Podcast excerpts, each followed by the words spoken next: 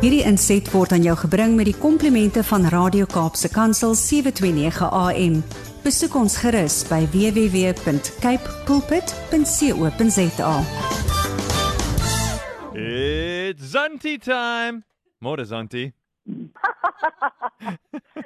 Raad ek het jou vir 'n oomblik verloor daar toe dog ek oh my word where's the signal going maar ek is bly vir die Oh man, I I I thought dit I'd give it a go. Interessante introduction. I thought- dit was amper weg daar. I mean, I, I, we do this every week. I got to look for a new way of doing it. I can't do it the same every time. and you know what? Uh-huh. It's nearly been 10 years, eh? Don't even joke. Nine years this year, Nine really. years. That's a long time. It's a long Hey, time. do you know what's the worst thing is you you know the worst thing, Zantie, out of all of this is we've never seen each other face to face. That is, uh, yeah, but you know what? We've seen each other's spirit and souls, and I think that is precious. And, and, and we must make a huge thing when we when we see face to face. Oh my goodness, that would be that would be lekker. I can't wait to see you in Lawrence. It'll be so good. Definitely, definitely. What's going on there in that heart of yours today and in that mind and your Oh. spirit? Wat broei hier rond. Uh-huh. Weet jy wat nee, I I always say something but but sometimes there's so much depth in in a saying that you can actually of, of ek sê vir Laurens hierdie week, jy weet, ek kan een skrif uit die Bybel uitvat en ek kan 'n leeftyd daarop lees. Hmm. Een skrif. That's how deep and rich and Holy Spirit inspired the word of God is. Dat dat dit jou 'n lewe lank kan kan sustain. Maar ek wil vanoggend praat oor we engage from where we abide. Hmm. En dit het my nogal diep getref, nê, nee, want as ek en jy kyk na ons engagements met mense, it is a reflection of where we abide. Because if we truly abide in Christ, then our engagement with people will display that truth. En vir my is dit soos 'n padkaart. Jy weet, as as my engagement met mense en ek bedoel ons almal is mense. Jy weet, ek kies elke oggend God of gat. Mhm. En en daar's baie tye wat ek ook ek praat altyd van die ou Zantie, die nuwe Zantie. Dan sê ek net jy kan so bly wees. Hierdie is die nuwe geredde Zantie, want die ou Zantie se is opgetree. Hm. Maar dis daai ding van jy weet where do you abide because that will always determine how you engage. En toe is ek 'n ding wat ek besef, joh, maar so pragtig, nê, nee, because everything we say at funerals should be said at birthday parties instead. Yeah. We leave so much love unspoken because we don't abide in that love. En in ons huis, uh, almal weet nou al wat 'n wat 'n verjaarsdagpartytjie in die Sonnepool huis deurgewerk het. Ons um, het altyd 'n lekker partytjie en dan tussen aandete en en en die pudding nê, nee, daai Mhm. lekker yummy pudding wat op 'n verjaarsdag op die koek plaas, daai sessie Mm.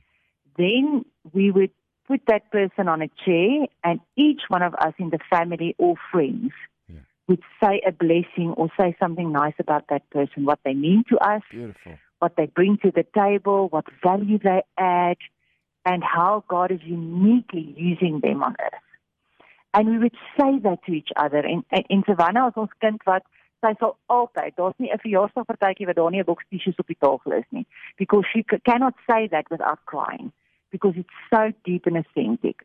En toe dink ek maar dit is hoe dit moet wees, nê, nee, maar ek wil jou vanoggend challenge met iets wat 'n persoon eenmaal gesê het. Hy het gesê Once when the Nobel Peace Prize winner, Archbishop Desmond Tutu of South Africa, was speaking at the General Theological Seminary in New York City, one of the students sitting in the audience nudged the dean who was sitting next to him and he whispered, Desmond Tutu is a holy man.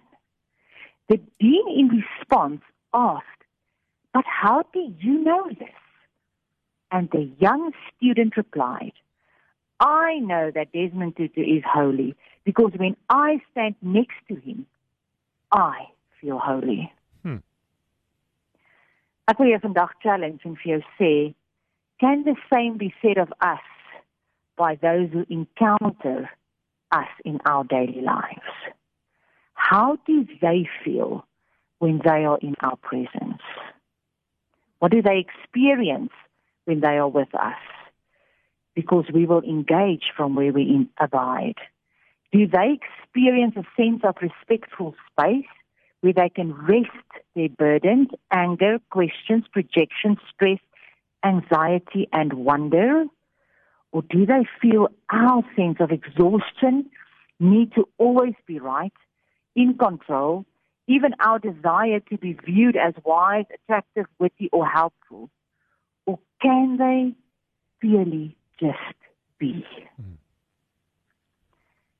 Ek wil vir jou sê if you truly abide in Christ, you will experience all the fruit of the spirit that he has.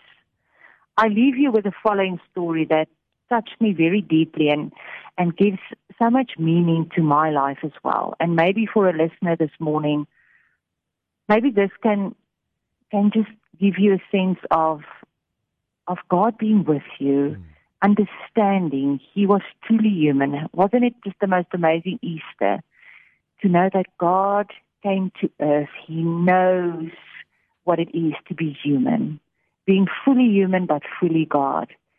He knows because he loved it. Everything you went through or are going through, he went through that. He knows. You see, a troubled widower made his way to ask a wise old woman about his troubles. The old woman received him, and then they walked along a stream. She could see the pain in his face. What is the point? He asked. Maybe, listener, this morning you are sitting somewhere saying, What is the point? Is there any meaning to life? Hmm. She invited him to sit on a large stone near to the stream. She took a long branch and swirled the water and then replied, It all depends on what it means to you to be alive, she said to him. In his sorrow, the man dropped his shoulders and the old woman gave him the branch. Go on, she said. Touch the branch to the water. As he poked the branch in the running stream, there was something comforting about the feeling that he felt when the water was felt through the branch. Mm-hmm. She touched him and she said, Do you see that you can feel the water without putting your hand into the water? She said, This is what meaning feels like. The troubled man seemed puzzled. She said, Close your eyes and feel your wife now gone, so that you can feel her in your heart without being able to touch her. This is the meaning that saves us. The widow, widower began to cry. The old woman put her arms around him and she said, No one knows how to live or how to die. We only know how to love and how to lose and how to pick up many branches of meaning along this journey. I leave you with Matthew 16, verses 26 that said, What will it profit them if they gain the whole world but forfeit their life? Mm. You see, because if we engage from where we abide, and if we truly abide in Christ, the grapevine, with God our Father being the, the vineyard keeper, then we will create a space around us where people can feel safe, loved, and have permission just to be. Because that's the, the tree, the shadow that God gives us. May we never forget that. May we take every opportunity to say to people while they are living what we will one day say on their funerals. Wow. Because we leave so much love unspoken. Amen. Amen. What a story. Mm. How can we impact people today? What are they going to see, feel, and say once they've spent time in our company? Well, we all know what we say and feel once we've spent time in Zantie's company. Bye, donkey, Zantie. Pragtige dag vir jou. Dankie dat jy so gedeel het uit die hart uit. Tot volgende week dan. Ag, blessings vir julle almal dat uh... Hierdie inset was aan jou gebring met die komplimente van Radio Kaapse Kansel 729 AM. Besoek ons gerus by www.cape pulpit.co.za.